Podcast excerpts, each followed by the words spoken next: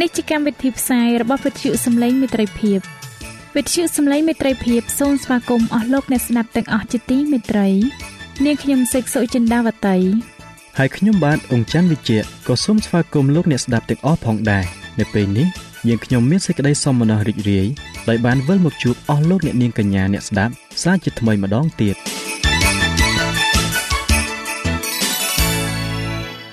នាងខ្ញុំសេកសុចិន្តាវតី សូមជម្រាបជូនកម្មវិធីផ្សាយដែលមានជាបន្តបន្ទាប់ដូចតទៅនេតិជួបជាមួយព្រះបន្ទូលនេតិជំហានទៅកាន់ព្រះគ្រីស្ទចា៎លោកអ្នកស្ដាប់ជាទីមេត្រី នាងខ្ញុំសូមគោរពអញ្ជើញអស់លោកលោកស្រី អ្នកនាងកញ្ញាតាមដានស្ដាប់កម្មវិធីផ្សាយរបស់វិទ្យុយើងខ្ញុំដូចតទៅ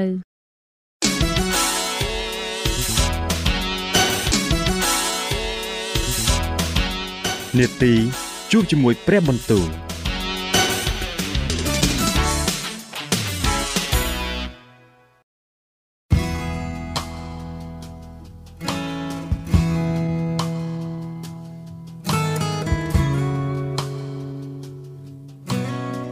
ចាអស់លោកអ្នកស្ដាប់ជាទីមេត្រី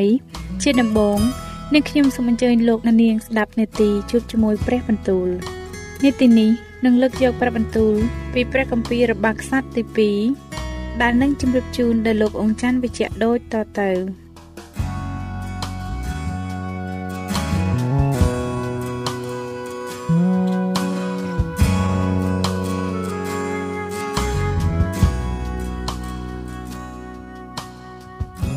ព្រះគម្ពីររបស់ខ្សត្រទី2ចំពុកទី9 កាលមហាក្សត្រីនៃស្រុកសេបាបានលើកកិត្តិនាមរបស់សាឡូមោននោះព្រះនាងក៏យាងមកដល់ក្រុងយេរូសាឡឹមដើម្បីលបងលោសាឡូមោនដោយប្រស្នាមានមនុស្សដង្ហែមកយ៉ាងសន្ធឹកក៏មានសត្វអូសជាច្រើនទុកដោយគ្រឿងក្រអូបនិងមាសជាបរិបូរហើយត្បូងមានតម្លៃផងលុះកាលព្រះនាងចូលមកគាល់សាឡូមោនហើយនោះក៏មានសវណ្ណនៃសន្តានីនឹងទ្រង់ពីគ្រប់ទាំងសេចក្តីដែលមាននៅក្នុងព្រះទ័យឯសាឡូមោន ទ្រង់ក៏ឆ្លើយស្រាយនៃគ្រប់អស់ទាំងសេចក្តីដែលព្រះនាងសួរ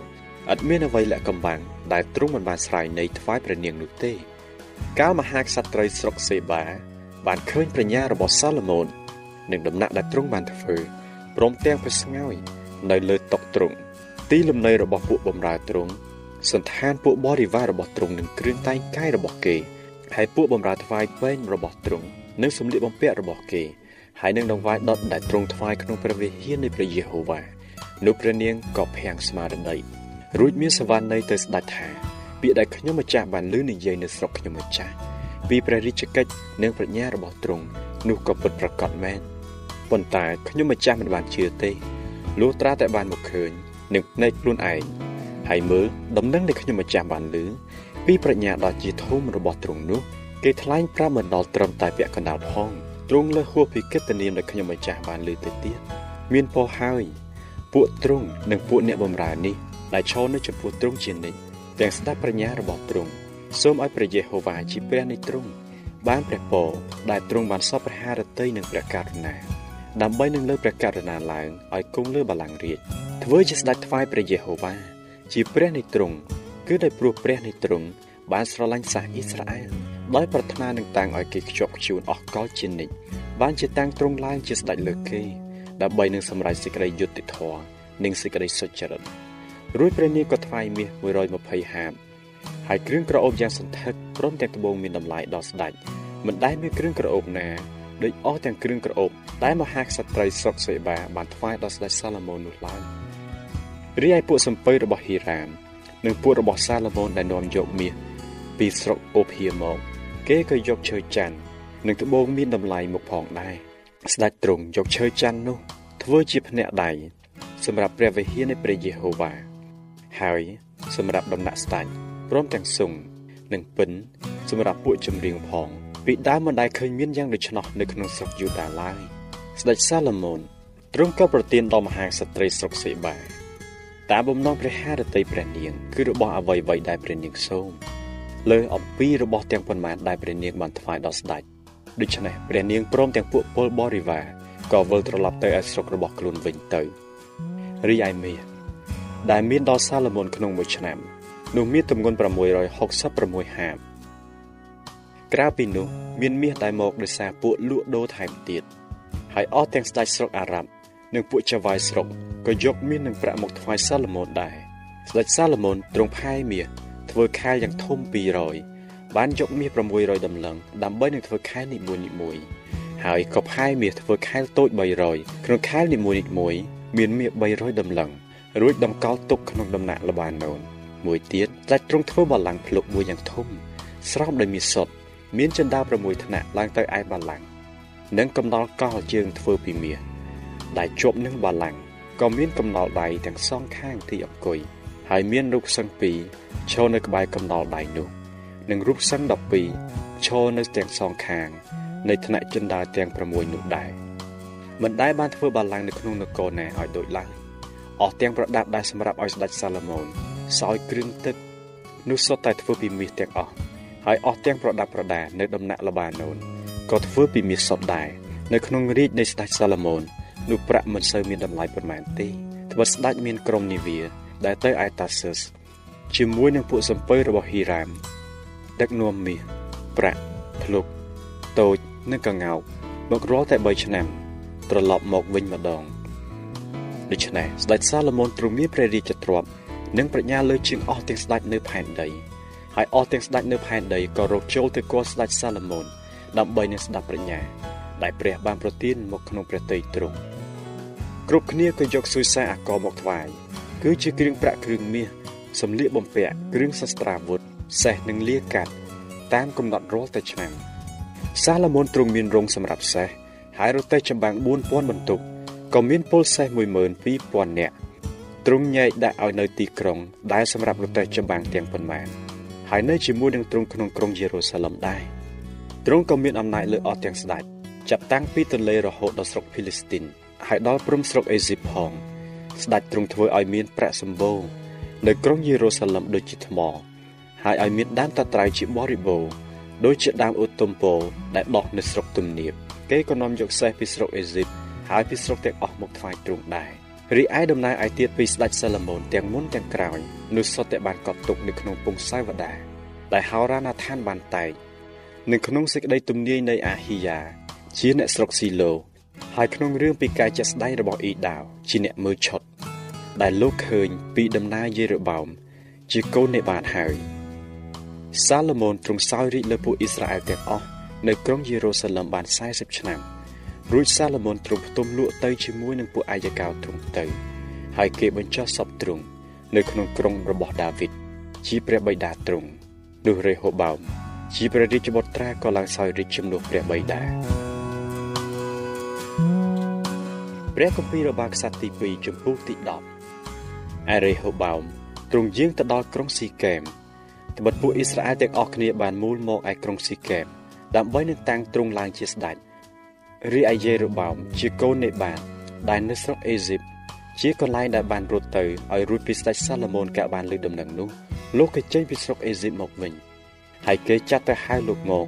ដូចលោកនិងពួកអ៊ីស្រាអែលទាំងអស់ក៏មកករេហូបោមទូលថា ព្រះបិតាទ្រង់បានធ្វើឲ្យនឹមជើងធ្ងន់ពេកណាស់ដូច្នេះសូមទ្រង់មេត្តាប្រោះឲ្យការតឹងរឹងរបស់ព្រះបិតាទ្រង់នឹងនឹមយ៉ាងធ្ងន់ដែលទ្រង់បានដាក់លើយើងខ្ញុំបានស្រាវចេញនោះយើងខ្ញុំនឹងប្រព្រឹត្តតាមទ្រង់ទ្រង់មានបន្ទូលឆ្លើយថាចាំ3ថ្ងៃទៀតសូមត្រឡប់មកឲ្យយើងវិញបណ្ដាជនទាំងឡាយក៏បង្គំលាទៅស្ដេចរេហូបោមទ្រង់ប្រឹក្សានឹងពួកចាស់ចាស់ជាពួកចំណិតនៃសាឡូមោនព្រះបិតាទ្រង់ ក្នុងការដែលមានប្រជជននៅឡើយថាតាមគំនិតរបស់អ្នករាល់គ្នានោះតើត្រូវឆ្លើយនឹងពួករាជនេះយ៉ាងដូចម្ដេចគេក៏ទូលឆ្លើយថាបើសិនជាទ្រង់ប្រព្រឹត្តនឹងបណ្ដាជននេះដោយសប្បុរសហើយប្រកបដោយចិត្តគេព្រមទាំងមានបន្ទូលនឹងគេដោយភាពផ្អែមល្ហែមនោះគេនឹងនៅជាអ្នកបម្រើរបស់ទ្រង់ជាដរាបទៅប៉ុន្តែទ្រង់មិនព្រមតាមគំនិតនៃពួកចាស់ចាស់ទាំងនោះទេគឺទ្រង់ទៅប្រឹក្សានឹងពួកក្មេងៗស្រកនឹងទ្រង់ជាពួកចំណិតរបស់ទ្រង់វិញដោយបន្ទូលថាអ្នករាល់គ្នាគិតយ៉ាងណា តើត្រូវឲ្យយើងឆ្លើយនឹងពួកសាសនេះដូចម្ដេចដែលគេបានសូមយើងថាសូមមេត្តាប្រោះឲ្យនឹមដែលព្រះបិតាទ្រង់បានដាក់លើយើងរាល់គ្នាបានស្រាលទៅរួចពួកក្មេងៗដែលស្រកនឹងទ្រង់គេទូលថាឯពួករាជនេះ ដែលមកទូលសូមទ្រង់ថាព្រះបិតាទ្រង់បានធ្វើឲ្យនឹមយើងខ្ញុំរាល់គ្នាធ្ងន់ពេកសូមទ្រង់មេត្តាប្រោះឲ្យបានស្រាលដល់យើងខ្ញុំវិញដូច្នេះនោះត្រូវឲ្យទ្រង់មានបន្ទូលឆ្លើយនឹងគេយ៉ាងនេះវិញថា កូនដៃយើងនឹងបានធំជាងផ្លូវរបស់ព្រះបិតាយើងហើយព្រះបិតាយើងទ្រង់បានដាក់នឹមយ៉ាងធ្ងន់លើឯងរាល់គ្នា តែឥឡូវនេះយើងនឹងមកថែមឲ្យនឹមឯងរាល់គ្នាបានធ្ងន់ជាងទៅទៀតព្រះបិតាយើងបានវាផ្ចាលឯងរាល់គ្នាដោយរពាត់តែយើងនឹងវាផ្ចាលឯងរាល់គ្នាដោយខ្យាដំរីវិញលុះដល់ថ្ងៃទី3យេរូបោមនិងបណ្ដាជនទាំងឡាយក៏មកគាល់រេហូបោមដោយជាទ្រង់បង្គាប់ដោយបន្ទូលថាដល់ថ្ងៃទី3ចូលឯងរាល់គ្នាត្រឡប់មកឲ្យយើងវិញ នោះស្ដេចទ្រង់មានបន្ទូលឆ្លើយដល់គេ ជាពាក្យគំរោះគំរើយឥតតាមគំនិតរបស់ពួកចាស់ចាស់ឡើយគឺទ្រង់បានមានបន្ទូលទៅគេ តាមគំនិតរបស់ពួកក្មេងៗនោះវិញថាបិតាយើងបានធ្វើឲ្យនឹមឯងរកគ្នាមានទម្ងន់តែយើងនឹងបន្ថែមឲ្យនឹមឯងរកគ្នា បានធ្ងន់ជាងទៅទៀតបិតាយើងបានវាផ្ចាល់ឯងរកគ្នាដោយរំពាត់តែយើងនឹងវាផ្ចាល់ឯងរកគ្នាដោយខ្យាដំរីវិញ ស្ដេចទ្រង់មិនព្រមស្ដាប់តាមបណ្ដាជនទេត្បិតការនោះកើតមកអំពីព្រះយេហូវ៉ាដើម្បីនឹងសម្រេចតាមសេចក្តីដែលទ្រង់បានមានបន្ទូលនឹងយេរូបោមជាកូននេបាតដោយសារអហ៊ីយ៉ាជាអ្នកស្រុកស៊ីឡូលុះកាលពួកអ៊ីស្រាអែលទាំងប៉ុន្មានបានឃើញថាស្ដេចមិនបានព្រមស្ដាប់តាមគេដូច្នោះនោះគេទូលតបថាតែយើងរកគ្នាមានចំណែកអ្វីខាងដាវីតយើងក៏គ្មានមរតកជាមួយនឹងកូនចៅអ៊ីសាយដែរអោពួកអ៊ីស្រាអែលអើយ ចូលយើងវិលទៅផ្ទះរៀងខ្លួនវិញទៅឥឡូវនេះដាវីតអើយចូលមើលព្រះវង្សរបស់ខ្លួនឯងចុះដូច្នេះពួកអ៊ីស្រាអែលទាំងអស់ក៏ត្រឡប់ទៅឯទីលំនៅគេវិញទៅ តែឯពួកកូនចៅអ៊ីស្រាអែលដែលនៅក្នុងអស់ទាំងទីក្រុងរបស់ពួកយូដានោះរេហូបោមបានសោយរាជលើគេវិញ រួចមកស្ដេចរេហូបោមទ្រង់ចាត់អាដូរ៉ាមដែលត្រួតលើពួកកំណែនឲ្យទៅ តែពួកអ៊ីស្រាអែលទាំងអស់គ្នា គេចោលលោកនឹងថ្មសម្លាប់ទៅ ដូច្នេះស្ដេចរេហូបោមក៏ប្រញាប់ប្រញាល់នឹងឡើងព្រះរាជរថរត់ទៅឯក្រុងយេរូសាឡឹមដែលពួកអ៊ីស្រាអែល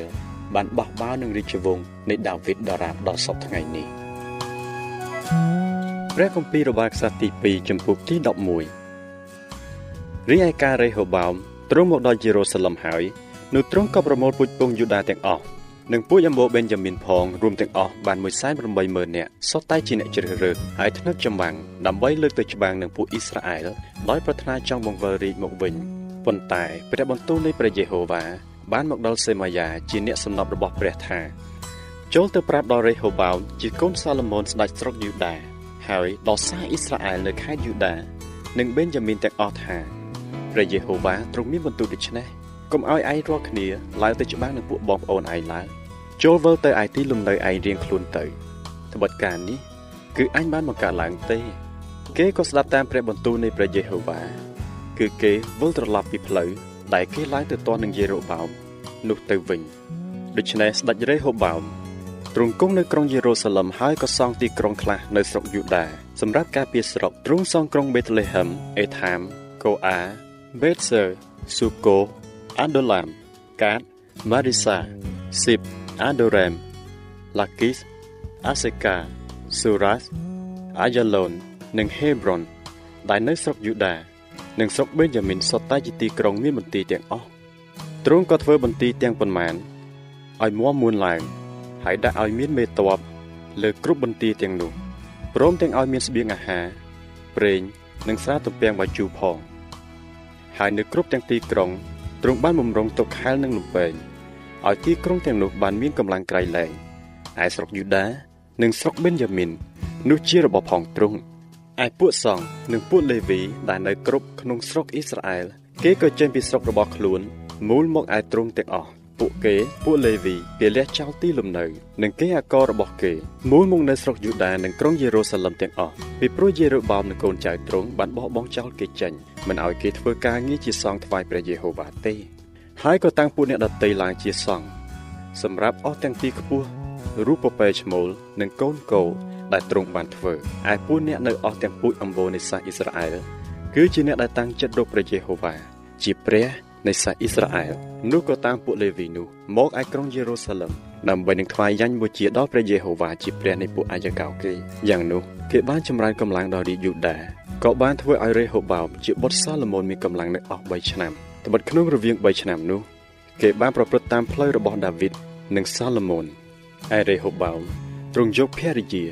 គឺនាងម៉ាហាឡាត់ជាបុត្រីនៃយេរូម៉ូត ពូជពងដាវីតនិងនៃអាប៊ីហាលជាបុត្រីអេលៀបដែលជាបុត្រីអ៊ីសាយព្រះនាងនោះបង្កើតបានបុត្រាថ្វាយទ្រង់គឺយេអូសសេម៉ារីយ៉ានិងសាហាំបន្ទាប់នឹងនាងនោះទ្រង់ក៏យកនាងម៉ាអាកាជាបុត្រីអាប់សាឡុមនាងនោះបង្កើតអាប៊ីយ៉ាអាថាយសេសា និងសាឡូមីថ្វាយទ្រង់រេហូបោមទ្រង់ស្រឡាញ់នាងម៉ាអាកាជាបុត្រីអាប់សាឡុមលើជាងអស់ទាំងភរិយានិងពួកអ្នកមនាងរបស់ទ្រង់វទ្រង់បានយកភរិយា18និងអ្នកមនាង60ក៏បង្កើតបានបុត្រា28អង្គនិងបុត្រី60អង្គរេហូបោមទ្រង់តាំងអាប៊ីយ៉ាជាបុត្រានៃនាងម៉ាអាកាទុកជាបុត្រធំគឺជាប្រធានក្នុងពួកបងប្អូនទាំងប៉ុន្មានដើម្បីតាំងឡើងជាស្ដេចទ្រង់ក៏ធ្វើដោយឆ្លាតគឺបានចាត់អស់ទាំងបុត្រានៃទ្រង់ឲ្យទៅនៅគ្រប់ក្នុងស្រុកយូដានិងស្រុកបេនយ៉ាមីន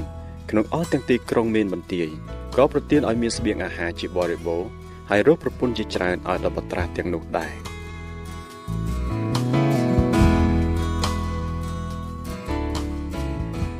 ចា៎ប្រិយមិត្តអ្នកស្ដាប់ជាទីមេត្រី ដោយពេលវេលាមានកំណត់ យើងខ្ញុំសូមផ្អាកនាទីជួបជាមួយព្រះបន្ទូលនេះត្រឹមតែប៉ុណ្ណេះសិនចុះដោយសន្យាថានឹងលើកយកនីតិនេះមកជម្រាបជូនជាបន្តទៀត នៅថ្ងៃច័ន្ទសប្តាហ៍ក្រោយ សូមអរគុណ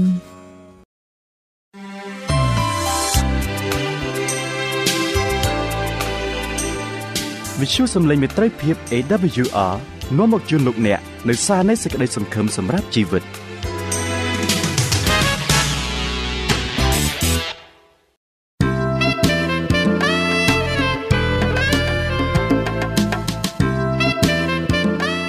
នីតិជំហានទៅកាន់ព្រះគ្រីស្ទ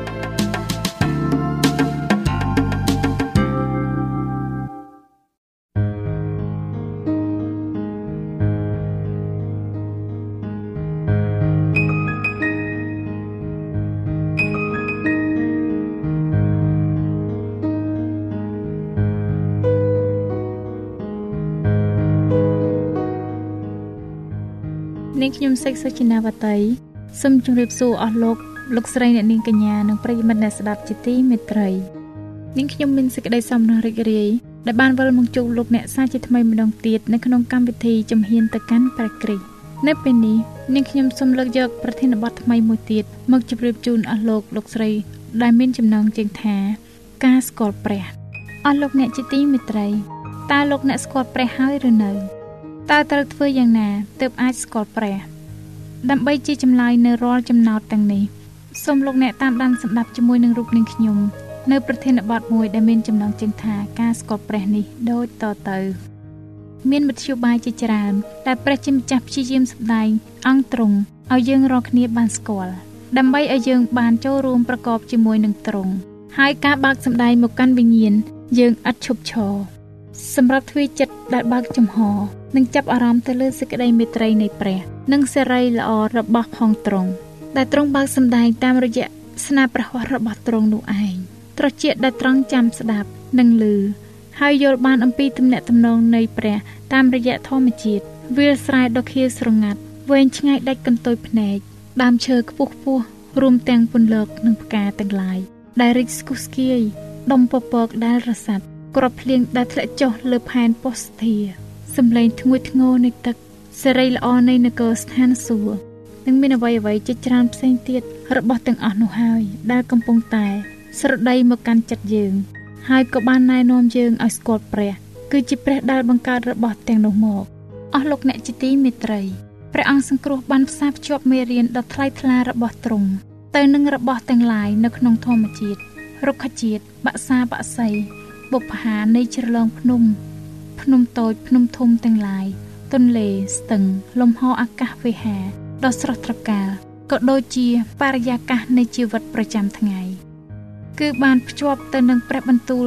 នៃសច្ចៈដែលធ្វើឲ្យយើងបានរលឹកនឹកឃើញនៅក្នុងអារម្មណ៍ទោះជានៅពេលដែលមមាញឹកក្នុងការលំបាកនឿយហត់នៃជីវិតយ៉ាងណាក៏ដោយព្រះជាម្ចាស់សពរហរតីចង់ឲ្យរាជរបស់ទ្រង់សរសើរដំកើងពីស្នាប្រហ័សរបស់ទ្រង់ ព្រមទាំងមានអំណរនិងសុភណភាពដ៏សាមញ្ញ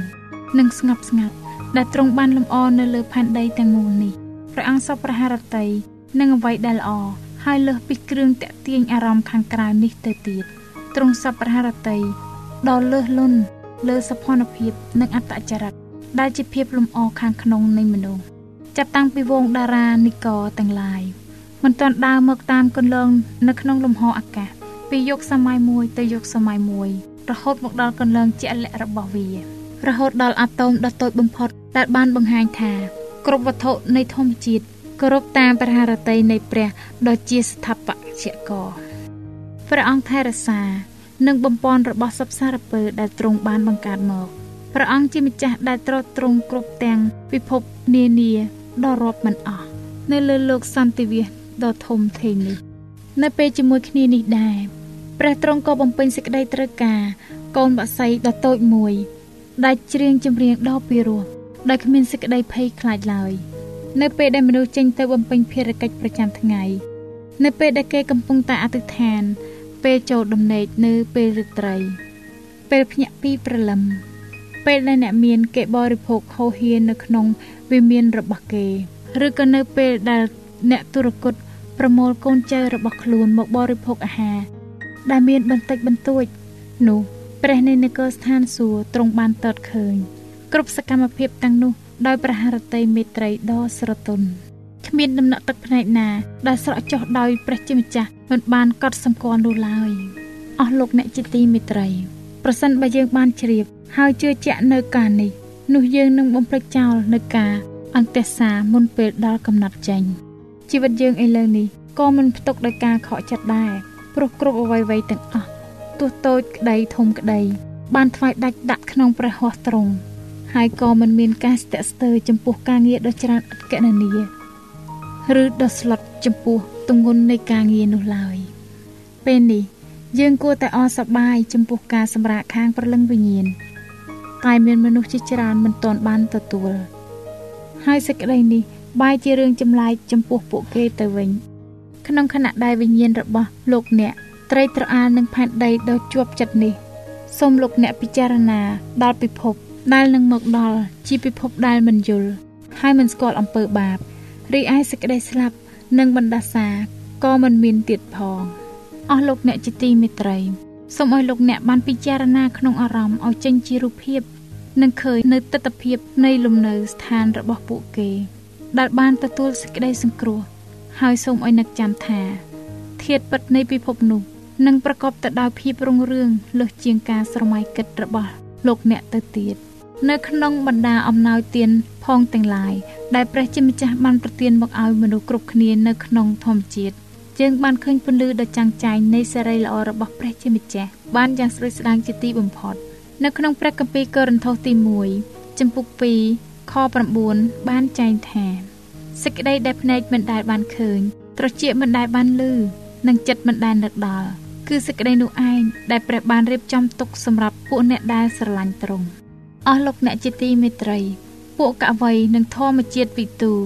បានបរិយាយយ៉ាងច្រើនអំពីធម្មជាតិក៏ប៉ុន្តែមានតែអ្នកគ្រីស្ទៀនទេ ដែលមានអំណររីករាយចំពោះសភនភាពនៃផែនដីដោយការដឹងគុណដ៏ក្រៃលែងចំពោះព្រះជាម្ចាស់ពីព្រោះ គេបានទទួលនៅស្នាព្រះហស្ថរបស់ព្រះជាម្ចាស់និងឃើញនៅសេចក្តីស្រឡាញ់របស់ទ្រង់តាមរយៈបុប្ផាព្រៃព្រឹក្សានិងរុក្ខជាតិផងទាំងឡាយគ្មានកវីនិពន្ធណាម្នាក់នៅលើលោកយើងនេះអាចសម្ដែងថ្លែងពីអំណរសរសើរឲ្យបានពេញលេញពីសារៈសំខាន់នៃភ្នំទាំងឡាយជ្រោះជ្រងជ្រលងដងអូទន្លេបឹងបួរនិងសមុទ្រនោះឡើយតើមកពីអ្វីពីព្រោះតែគេមិនបានយល់ ហើយក៏មិនបានដឹងថា របស់អស់ទាំងនោះ គឺជាការសម្ដែងនៃសេចក្តីស្រឡាញ់របស់ព្រះជាម្ចាស់ចំពោះមនុស្សលោកនោះទេ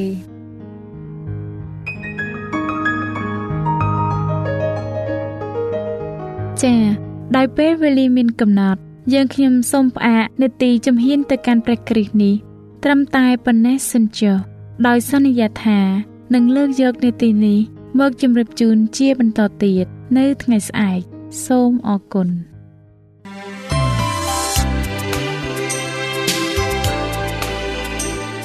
វិទ្យុសំឡេងមេត្រីភាព AWR មានផ្សាយពីរដងក្នុងមួយថ្ងៃ គឺព្រឹកនៅម៉ោង6និងពេលយប់នៅម៉ោង8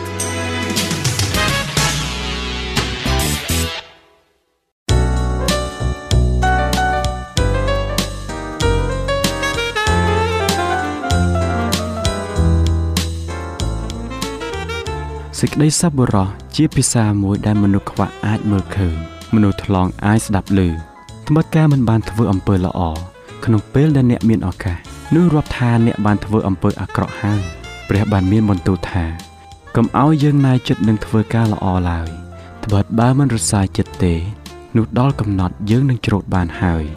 ការធ្វើអំពើសប្បុរសដ៏តូចណាមួយដល់អ្នកដទៃវាអាចមានការផ្លាស់ប្ដូរយ៉ាងធំនៅក្នុងជីវិតនរណាម្នាក់បាន។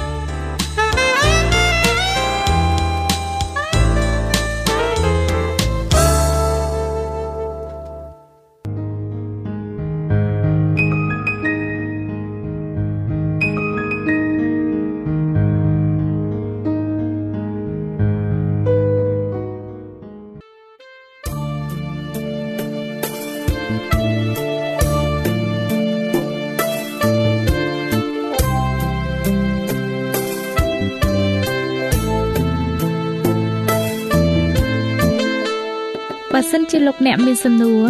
ឬសំណុំពរអ្វីសូមតាក់ទងមកការិយាល័យវិទ្យុយើងខ្ញុំ តាមអាស័យដ្ឋានផ្ទះលេខ15ផ្លូវលេខ568សង្កាត់បឹងកក់2ខណ្ឌទួលគោករាជធានីភ្នំពេញលោកអ្នកក៏អាចសរសេរសម្បត្តិផ្ញើមកយើងខ្ញុំ តាមរយៈប្រអប់សម្បត្តិលេខ488ភ្នំពេញឬតាមទូរស័ព្ទលេខ012 34 96 64ឬ097 80 81 060ឬក៏តាមរយៈអ៊ីមែល vol@awr.org យើងខ្ញុំរងចាំទទួលស្វាគមន៍អស់លោកអ្នកនាងដោយក្តីសោមនស្សរីករាយហើយលោកអ្នកក៏អាចស្ដាប់កម្មវិធីនេះឡើងវិញដោយចូលទៅកាន់ website របស់វិទ្យុយើងខ្ញុំតាមរយៈអាស័យដ្ឋាន www.awr.org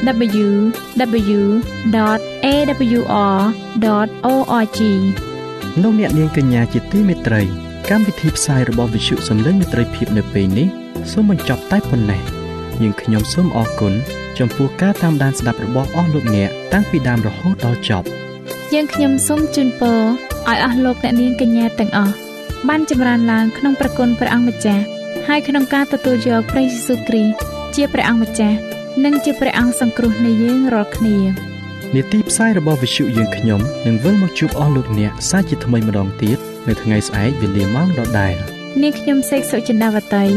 និងខ្ញុំបាទអ៊ំច័ន្ទវិជ្ជៈសូមអរគុណសូមជម្រាបលា